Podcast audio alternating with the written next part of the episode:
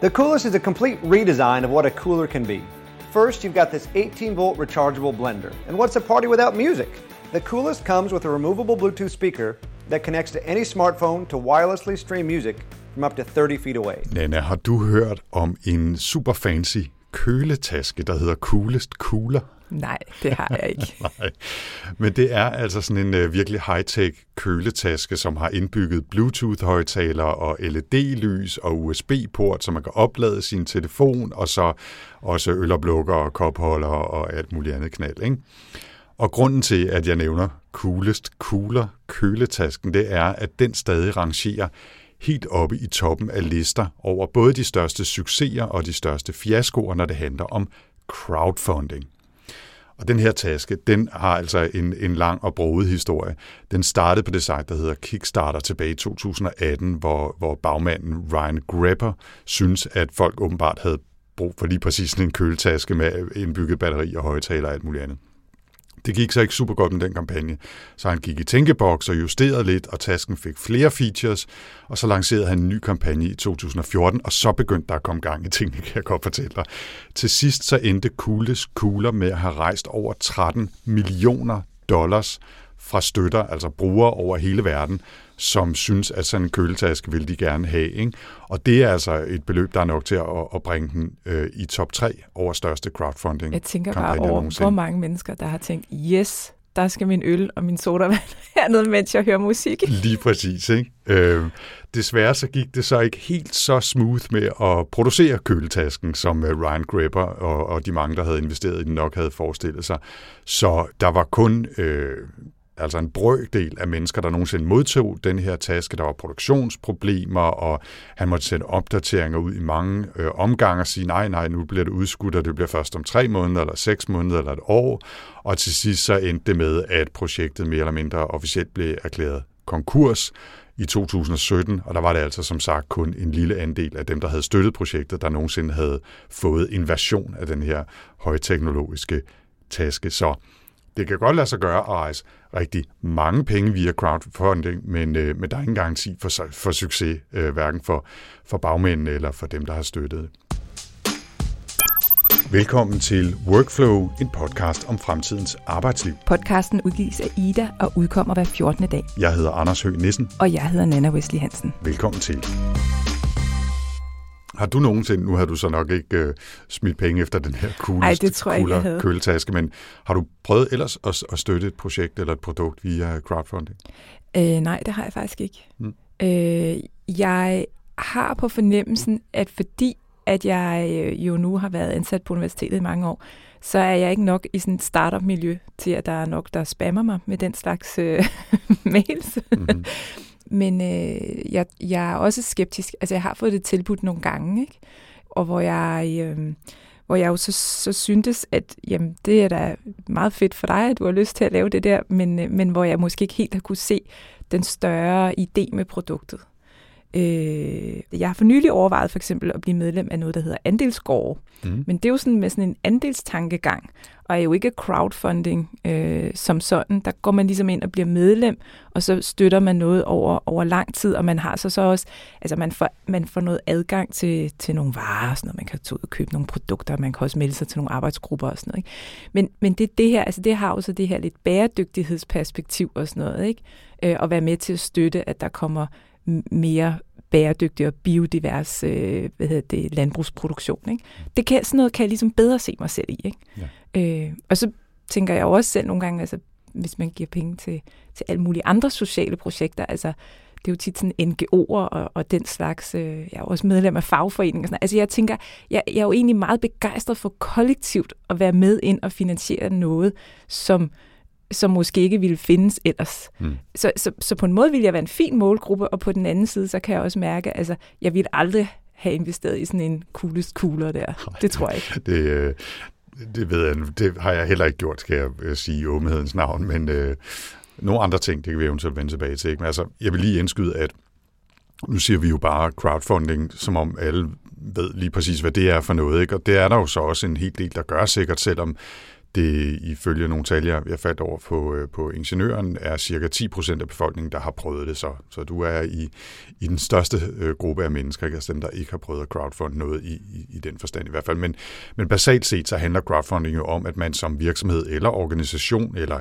øh, individ rejser penge eller kapital ved at søge støtte fra en hel masse mere eller mindre almindelige mennesker, i stedet for at låne penge i en bank eller søge øh, investering fra en kapitalfond, eller hvad det nu kunne være, hvis man er en startup. Ikke? Og der findes, øh, plejer man at sige, fire forskellige former for crowdfunding. Man kan bede om lån eller investeringer, eller man kan bede om donationer, eller man kan lade folk købe andel. Men det vi typisk taler om, øh, øh, når vi taler om crowdfunding sådan i, i almindelig forstand, det er det, der hedder reward-based crowdfunding, eller belønnings-crowdfunding, som i bund og grund handler om, at man giver en, et firma et beløb på forhånd for et produkt eller en ydelse, som de så lover at levere senere, hvis de får samlet nok penge sammen til, at de kan gå i gang med produktionen eller udviklingen. Så man forbestiller i virkeligheden en tegneserie eller en mobiloplader, en køletaske eller hvad det nu kan være, og så får firmaet på den måde penge til at lave den sidste udvikling og sætte gang i produktionen, og så får man så sit produkt typisk 3 eller 6 eller 12 eller nogle gange 18, 24 måneder efter, afhængig af hvad det er for et mm. øh, produkt. Ikke? Hvad, hvad tænker du, hvis vi lige skal træde et skridt tilbage sådan mere generelt om den her crowdfunding-idé? Er det, gammel vin på nye flasker, eller er det faktisk en ny form for retning, sådan som du, øh, du oplever? Du sammenligner lidt med den der andelsbevægelse også, ikke? Ja, altså både og, ikke? Øh, det er jo nyt forstået på den måde, at man, altså man bruger noget digital teknologi, som man ikke har haft til rådighed før, for meget relativt hurtigt at samle nogle penge ind. Ikke? Så mm. det er jo nyt. Øh, jeg synes også, der er et nyt aspekt i det her med, at du, at du forud sælger et produkt, hvis det ligesom er det, du gør. ikke jeg synes, den her er fix og smart, og jeg tror, den kan gøre noget godt. Kunne du være, have lyst til at, at, at investere i det? Mm. Så det, det, det falder sådan lidt mellem nogle stole, øh, der har været før i virkeligheden. Ikke? Altså, hvor man på en måde, altså man er ikke rigtig aktie, at man er ikke aktionær, vel? Man investerer ikke i virksomheden på den måde, hvor man løbende vil få et afkast og er medejer af virksomheden men er heller ikke en, en medlem af det nødvendigvis, altså netop som andelsindehaver eller del af et kooperativ, som er nogle af de meget gamle, klassiske, kollektive måder at organisere eller finansiere øh, virksomheder på, mm. øh, hvor man jo har en langtidsinvestering, og derfor også måske er med til at tage tabet, når, når der ikke kommer. Det er man jo alligevel lidt her, fordi hvis man nu, som i Kules Kugler, har betalt for sin køletaske og ikke får den, så har man jo faktisk tabt nogle penge. Men man har ikke det der langtidsinvestering øh, i det, altså medlemskabet af det, ikke? eller medejerskabet. Øh, og, det, og det tror jeg måske også er det, der nogle gange har gjort mig lidt skeptisk. Hvad, sådan, hvad er det, jeg skal her? Ikke? Mm. Hvad, hvad er min rolle i den her virksomhed? Skal jeg bare give jer nogle penge? Altså, så, nå, det er jo fedt, ikke? Eller hvad? Anders, har du, har du støttet noget øh, via crowdfunding? Ja, det må jeg nok sige. Øh, jeg tror i hvert fald, jeg har været involveret i en 8-10 projekter eller sådan noget. Øh, involveret i, så jeg smidt penge efter øh, 8-10 projekter, ikke? fordi dengang det dukkede op i, i slutnålerne, der var det jo noget, som, som jeg også havde en professionel interesse i i min, i min tid på DR, ikke? og så er jeg jo også bare nysgerrig og synes, at, at nye ting kan være spændende. så det allerførste, jeg støttede øh, og modtog i øvrigt, det blev produceret, og jeg ejer det faktisk stadigvæk, det var sådan en lille det, man kalder sådan en minimalist wallet. Øh, det er sådan noget, som nogle mennesker går rigtig meget op i, at deres punkt øh, fylder så lidt som muligt. Øh, så øh, jeg købte en af sådan noget særligt elastisk materiale, et bestemt design, så jeg bare kunne have tre kreditkort eller et sundhedskort i, ikke? og så sad de sikkert fast der. Den har jeg stadigvæk og, og bruger stadigvæk. Ikke? Så har jeg også støttet et virkelig avanceret system til at koldbrygge kaffe, som er sådan noget med, at man hælder koldt vand på kaffe, og skal det stå og trække 20 timer, og så smager det super godt, enten som kold kaffe, eller man kan hælde kogende vand i. Ikke? Meget, meget avanceret system med lille digital vægt og alt muligt knald. Ikke? Øh, jeg har også, øh, det måske mest avancerede, jeg prøvede at støtte, det var sådan en lille sensor, man kunne sætte på skrivebordet koblet til sin computer, og så kunne man sådan styre sin computer med håndbevægelser. Så var det sådan en trådløs sensor, så man ikke skulle sidde og røre ved tastaturet som en gammel mand, ikke? man bare sådan kunne sidde og skifte mellem vinduer ved at blafre med hånden. Ja.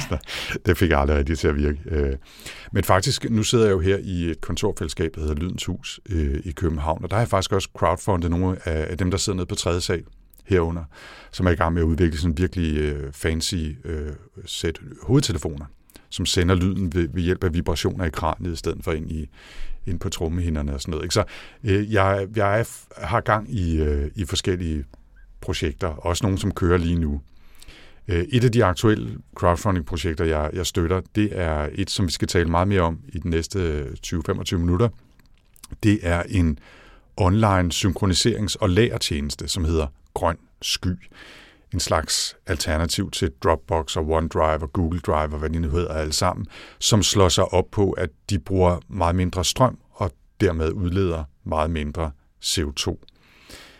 Som navnet antyder, så kommer folkene bag Grøn Sky her fra Danmark. Vi skal snakke med Pierre Benort for at høre mere om den tekniske løsning, og især for at høre om erfaringerne med at lave sådan en forretning med udgangspunkt i crowdfunding. Så bare lige åbenhedens heldige navn igen. Altså, jeg har jo en aktie i det foretagende for så vidt, at jeg har købt produktet på forhånd og været med til at, at støtte dem i den her kampagne.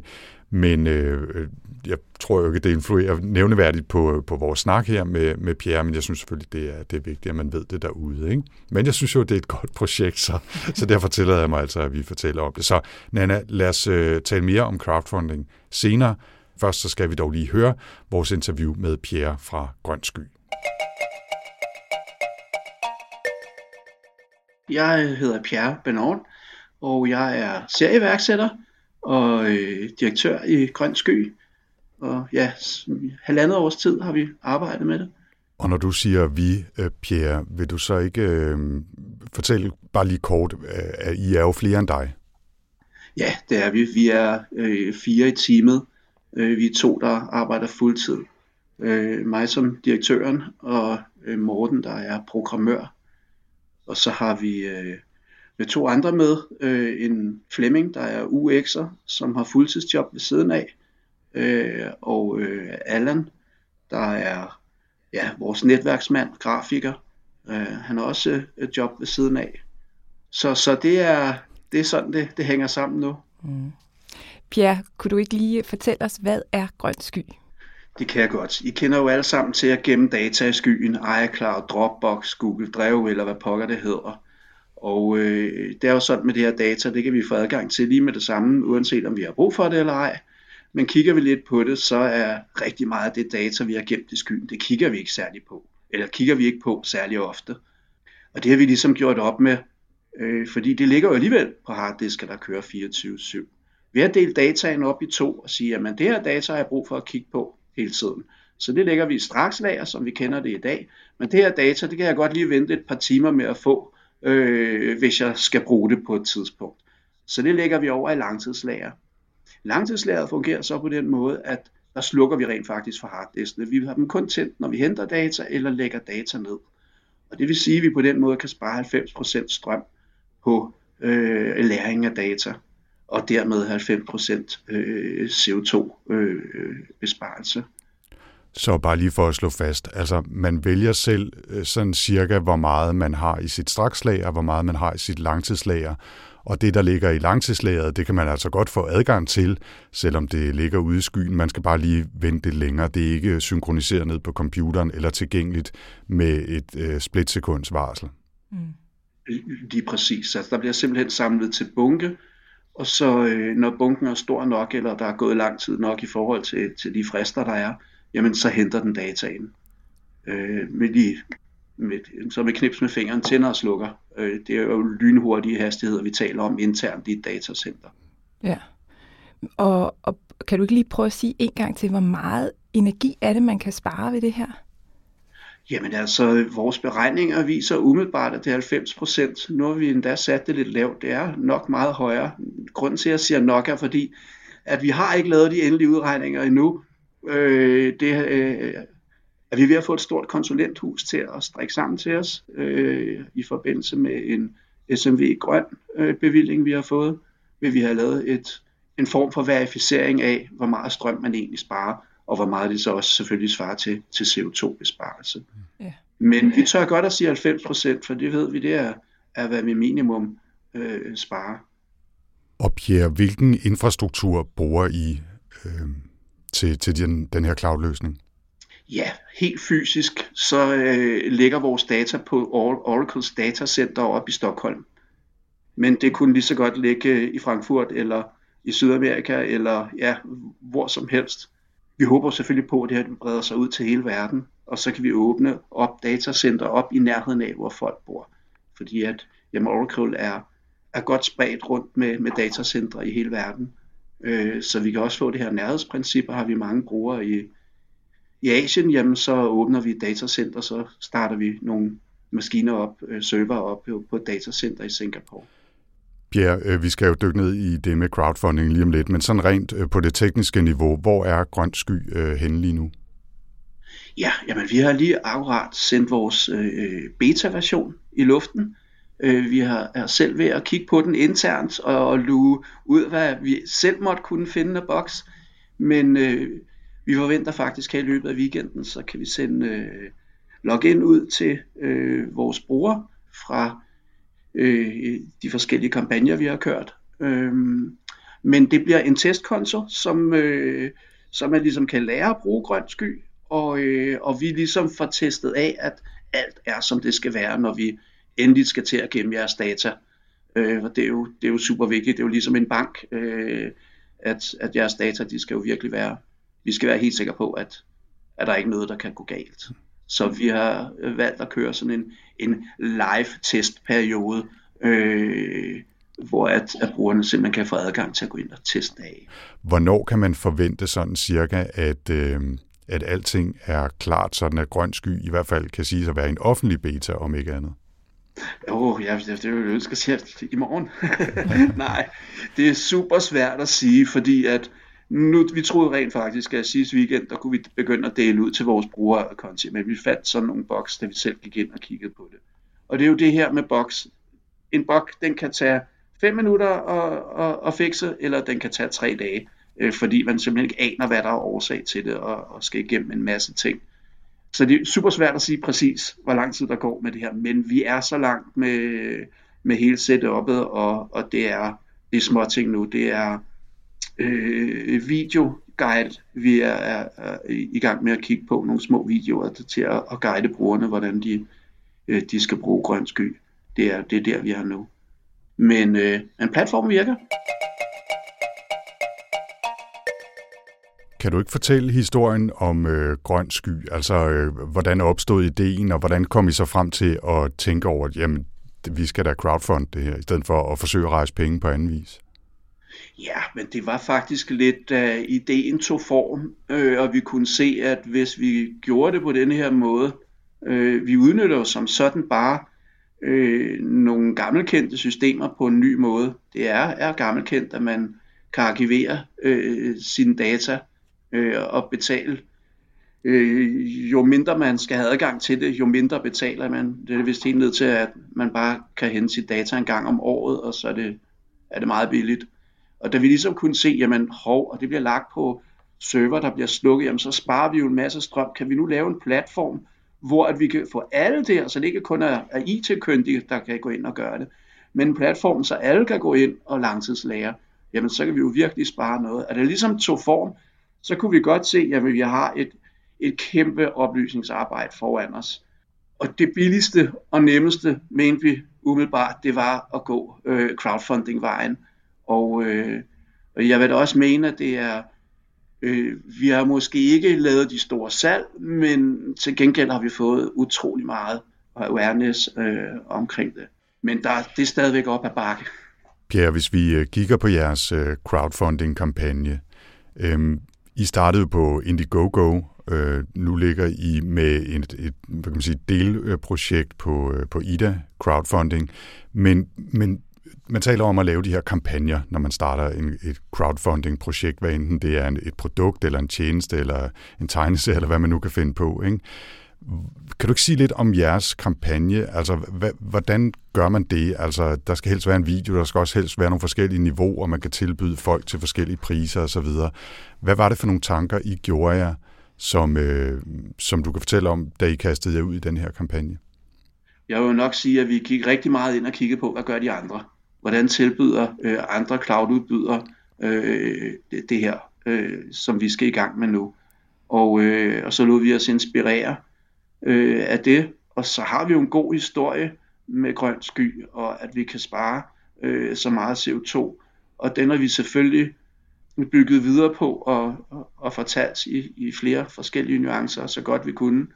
Og videoen, ja, altså man skal lave en video, der er ikke noget at gøre. Og, øh, og det var det, til at starte med nok også vores største udfordring, men gik rent faktisk hen og blev jeg er fantastisk god, hvis jeg selv skal sige det. Vi har fået meget fine anmeldelser på den video, og øh, Vanessa, som er, øh, er, er host på videoen, øh, gør det også fantastisk godt. Hun er, er kanadier og, og dansk gift.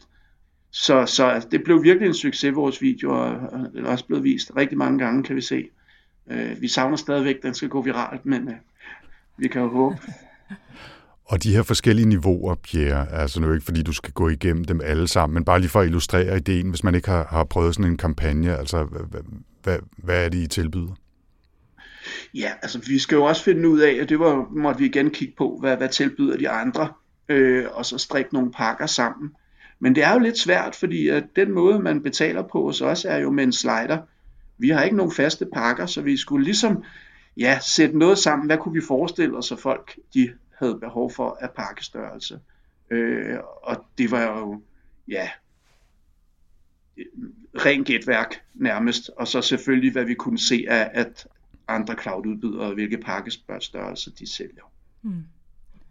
Øh, og så valgte vi Øh, ikke for mange er det vigtigt, øh, men alligevel et, et godt udvalg. Og så skal man have en, en stor pakke også til, til virksomheder. Altså en, der er, er væsentligt større end, end de andre pakker. Ikke? Så altså, vi prøver at lave nogle forskellige niveauer af pakkestørrelse, alt efter vi tænker, er du en, der bruger øh, øh, skyen meget, eller er du bare lige en gang imellem, du lægger noget op, og er du en familie, der har flere konti, eller flere, der skal tilgå konti, jamen så øh, lavede vi også en familiepakke, og så ja, endelig en, en firmapakke. Ja. Altså, man, man, man forudbetaler rent faktisk bare produktet. Ja, så man får det ikke lige med det samme, men det kommer. Nej, men det kommer lige præcis, ja. ja. Det er jo lidt helt tricket er, at, øh, at man får noget for at crowdfunde.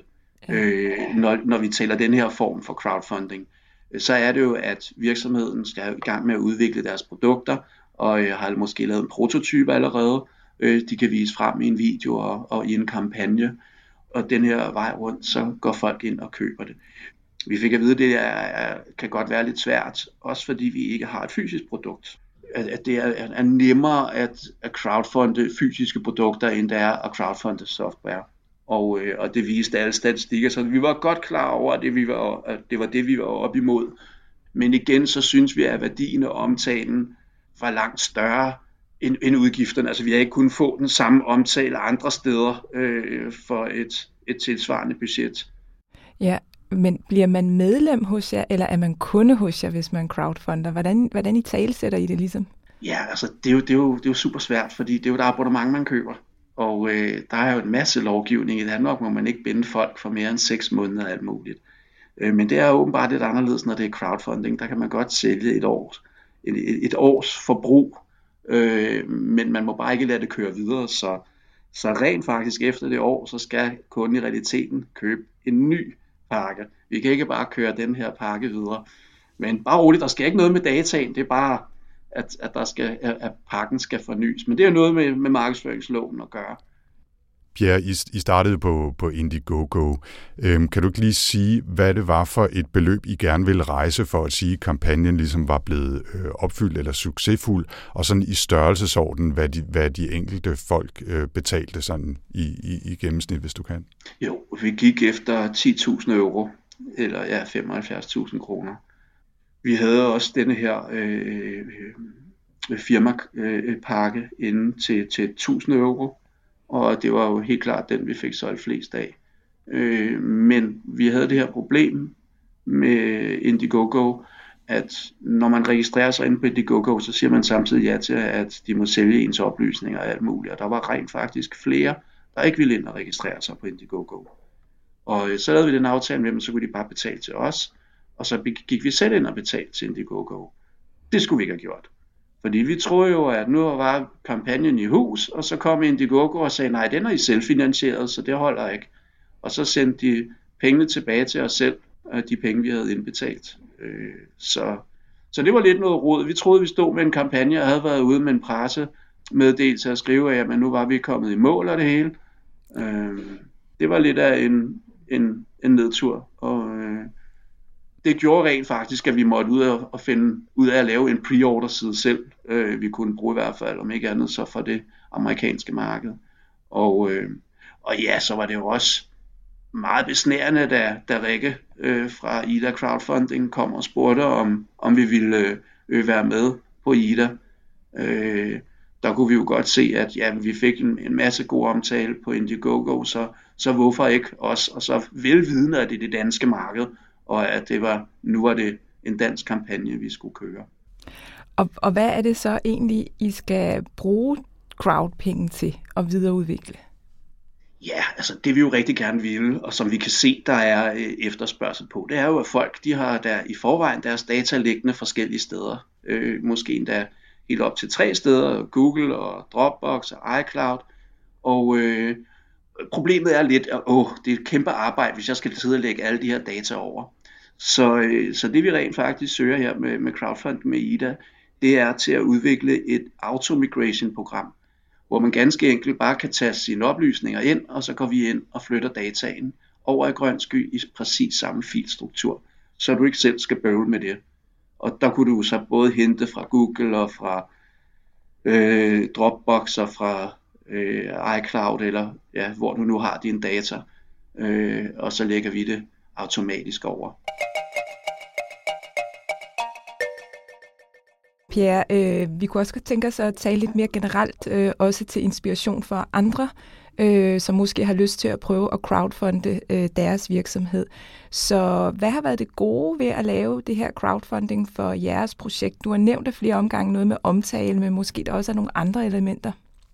Ja, vi har jo også lært vores projekt meget bedre at kende selv øh, ved at være igennem øh, øh, hele den proces, det er at lave en, en crowdfunding-kampagne. Det er jo ikke bare noget, man sætter sig ned og, og laver på en eftermiddag. Vi brugte over et halvt år på at lave vores kampagne. Øh, så, så jeg tror, at, at man tager en masse, altså den rejse, den er, er uvurderlig. Hvor meget tid og energi har I brugt, Pierre, på, på den her kampagne sammenlignet med udviklingen af selve produktet Grøn Sky? Ja men altså, der har været en fuldtidsmand på at programmere, og så har vi været en fuldtidsmand og to deltidsmænd på at lave kampagne. Sådan kan jeg vel bedst beskrive det. Så det har jo været en god, en pæn stor del af, af, af projektet, kan man sige, at, at simpelthen bruge tid på kampagner, omtale og kommunikation med brugerne osv. Jamen, der er også hele det her forløb med, at man skulle gerne ud og vifte med flaget, mens man har en kampagne. Øh, så, så alle de her ting med at få det hele til at spille sammen og, og prøve, prøve at lave en, en tidsplan for øh, øh, en kampagne, det er det, det tager længere tid, man lige øh, forestiller sig. Hmm. Og hvordan tænker I det så? Altså, når I crowdfunder, så har I så en masse chefer eller en masse investorer i forhold til, hvis man bare havde en enkelt investor, man skulle forholde sig til. Ja, men nu er det ikke rigtigt. Det er jo ikke øh, den form for crowdfunding, vi laver, fordi vi sælger et produkt. Vi ser mere på vores brugere ja, som kunder og brugere mm. af grøn sky, end vi ser på dem som investorer. Vi håber selvfølgelig, at de vil blive ambassadører og gå ud og sprede budskabet, øh, lige så snart de selv også får adgang til deres konto og kan se, hvor, hvor smart det er. Nu har I jo øh, rejst nogle penge ved at sælge produktet på forhånd, og så var der lige noget øh, fik om det ikke med at få folk over til at, at være kunder, hvorhen og hvor skulle de skrive sig op og så videre. Men har det givet jer nok til, at I rent faktisk kan komme i gang med det på en fornuftig måde, eller skal I også ud og søge penge, enten ved en ny kampagne eller ved mere traditionel investering? Vi, det er ikke nogen hemmelighed, at vi er i gang med at, at få landet øh, investorer i, i grøn sky, fordi at ja, altså, der skal jo bruges mange penge til at, at komme ud over isen og få markedsført øh, budskabet. Det, er jo, det har vi jo set indtil nu. Øh, så ja, vi er vi arbejder på at få investorer ombord. Så hvordan ser du øh, samspillet mellem det at have kørt en kampagne og have kunder, som har forudbestilt jeres produkt, og så investorerne? Altså har det ene været en, en, en nødvendighed for at få det andet, eller øh, hvordan ser du det her samspil? Ja, det vil jeg umiddelbart mene, at det havde været nødvendigt. Altså, vi var godt klar over, at vi gik ud med crowdfunding, at der går vi ud til privatforbrugeren, selvom vores målgruppe egentlig er øh, små og mellemstore virksomheder. Men vi kunne ikke få den omtale. hvis ikke vi gik ud og lavede en crowdfunding, kunne vi ikke have opnået den samme omtale. Vi var ikke kommet med på DTU Startup Dag, hvor eksempelvis at vi fik adgang, jeg tror jeg havde møde med, med otte forskellige investorer øh, på det tidspunkt. Øh, og sådan nogle ting havde vi ikke opnået, hvis ikke vi havde lavet crowdfunding-kampagnen. Så jeg vil sige, at uden crowdfunding-kampagnen, så var vi slet ikke, jamen, vi havde ikke været med på de udstillinger, og med så vi havde ikke øh, øh, fået alt den omtale i pressen, vi har fået, og øh, vi havde nok heller ikke siddet her nu med jer. Og her til sidst, Pierre, øh, er der nogle gode råd, nogle erfaringer, øh, du og I har gjort jer, som du vil give videre? Hvis man nu sidder derude og tænker, ej, jeg bliver også nødt til at, at lave en crowdfunding-kampagne, enten for bare i godsøjne at sælge nogle, øh, nogle produkter, eller for at skabe opmærksomhed og måske for senere investeringer. Er der noget, du kan dele fra, fra jeres tid med crowdfunding? Ja, man skal, man skal finde nogen at hjælpe til at hjælpe sig. Jeg ved, der er ved at blive lavet nogle portaler nu, hvor man kan få en masse hjælp til at lave crowdfunding.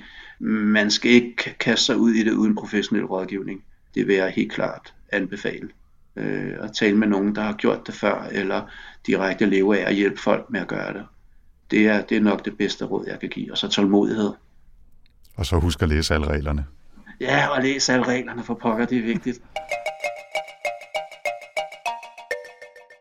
Ja, det var altså Pierre Benort fra Grøn Sky, og i talende stund så er kampagnen faktisk oppe. Hvis du hører det her lige præcis, når Workflow udkommer, så øh, er, har du stadigvæk et par dage til at være med, hvis du skulle have lyst til Grøn Sky. Kampagnen slutter 22. april hos øh, Ida Crowdfunding. Og hvis du ikke nåede det, jamen så øh, kan det jo være, at Grøn Sky dukker op alligevel som en mulighed for noget, du kan kigge på, hvis du synes, at det er en god idé med CO2-besparende online læring. Men ikke mere reklame for Grøn Sky. Nana, hvad, hvad tager du med dig i snakken om, øh, om crowdfunding, også øh, med, med det, som Pierre har sagt her? Workflow handler om fremtidens arbejdsmarked.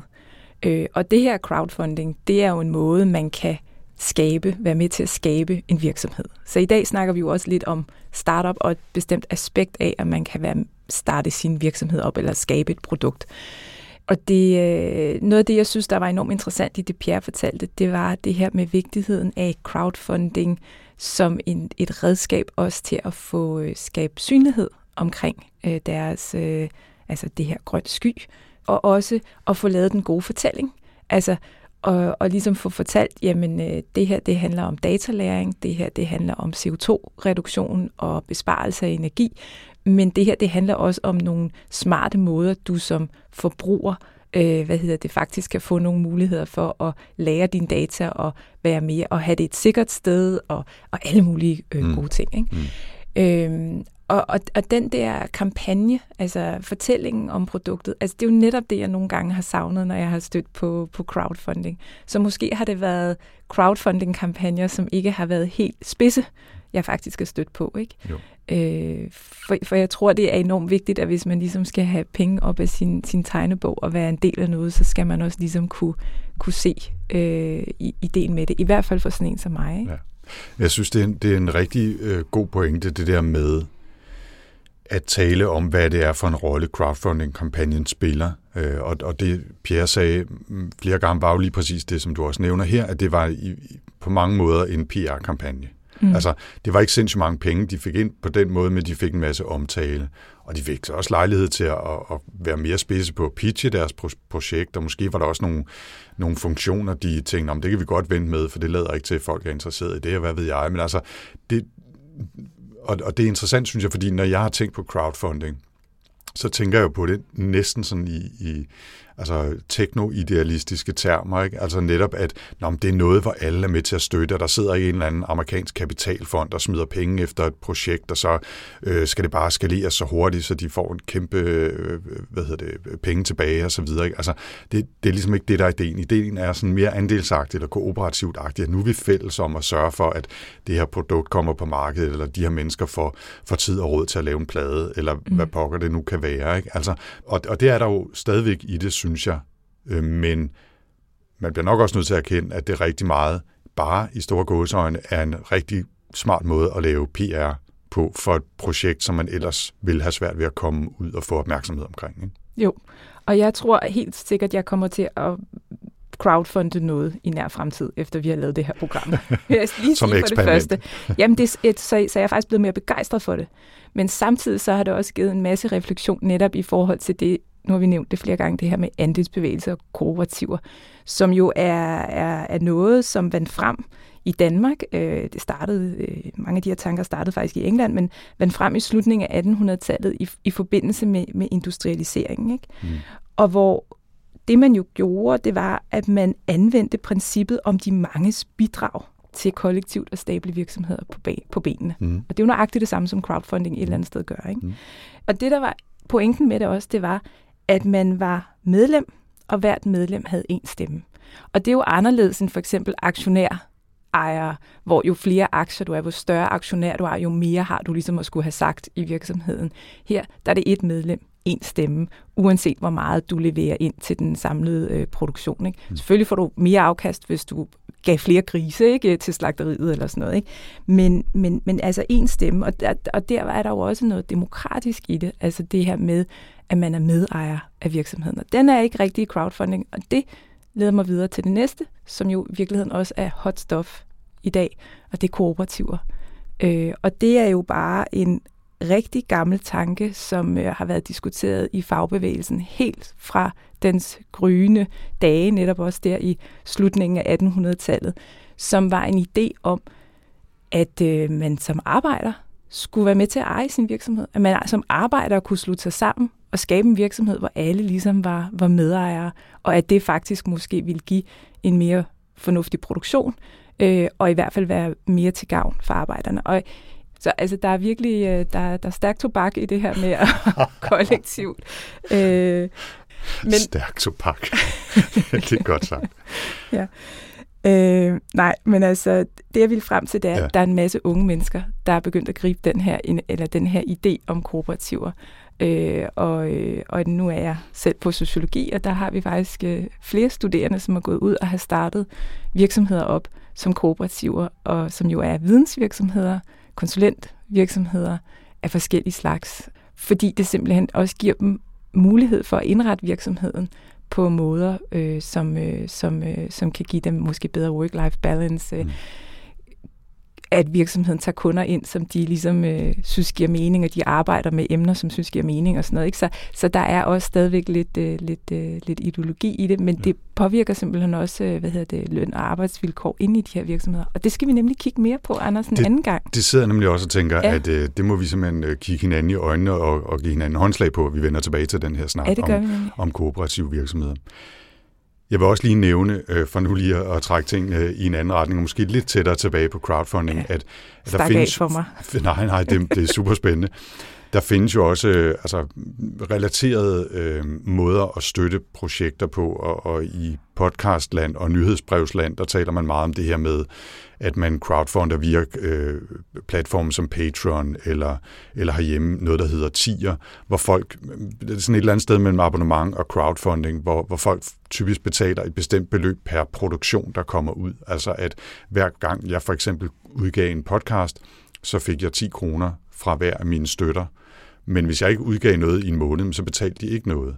Altså, og det er jo sådan en måde at, at lande et eller andet sted imellem et abonnement, som folk bare betaler, uanset om der kommer noget eller ej, og så en crowdfunding, hvor jeg får et beløb, og så skal jeg ligesom producere noget i, i al fremtid. Ikke? Mm. Og det synes jeg egentlig også er en interessant måde, og det viser jo bare, at der virkelig bliver eksperimenteret alle steder i det her spektrum med forskellige måder at rejse penge på, og lave virksomhedskonstruktioner på, og lave kooperativer på, og alt muligt andet. Og det synes jeg er ekstremt spændende.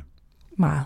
Og det har det her øh, samspil mellem, at man, øh, man jo kan give noget, men man er også lidt medansvarlig for at starte noget, øh, og samtidig så får virksomheden også noget omtale, så det handler ikke kun om investering, men også rigtig meget om synlighed af virksomheden. Præcis. Til allersidst, øh, så vil jeg sige, at når man tjener penge, også på crowdfunding, så skal man lige huske, at der også er noget her i Danmark, der hedder skat. Og øh, i vores show notes, der linker vi til en vejledning fra Skat om, hvordan man skal forholde sig i den sammenhæng, samtidig med at vi selvfølgelig også linker til meget mere information om crowdfunding og til grøn sky, og øh, til sites, der har masser af inspiration, både til idémager og øh, til støtter og folk, der bare generelt har lyst til at vide mere om crowdfunding. Og du finder shownoterne via ida.dk-workflow eller i din podcast afspiller. Og så er der ikke mere i denne workflow. Men vi vender tilbage igen om 14 dage, hvor vi skal se nærmere på et emne, der egentlig altid er sørgeligt aktuelt, men dog alligevel har særlig opmærksomhed i de her måneder, nemlig IT-sikkerhed i virksomheder, og det handler jo både om ransomware og firewalls, og ikke mindst om menneskelig adfærd, ledelse og kommunikation. Hvis du vil vide mere om podcasten, kan du besøge vores hjemmeside på ida.dk-workflow, og hvis du vil skrive til os med kommentarer, idéer til emner og gæster eller andet input, så kan du skrive til os på Twitter med hashtagget WorkflowIda, eller kontakte os via Idas hjemmeside. Workflow bliver produceret af Podlab og udgives af IDA, Danmarks fagforening for digitale hoveder, naturvidenskabsfolk og ingeniører. Jeg hedder Anders Høgh Nissen. Og jeg hedder Nana Wesley Hansen. Tak for denne gang.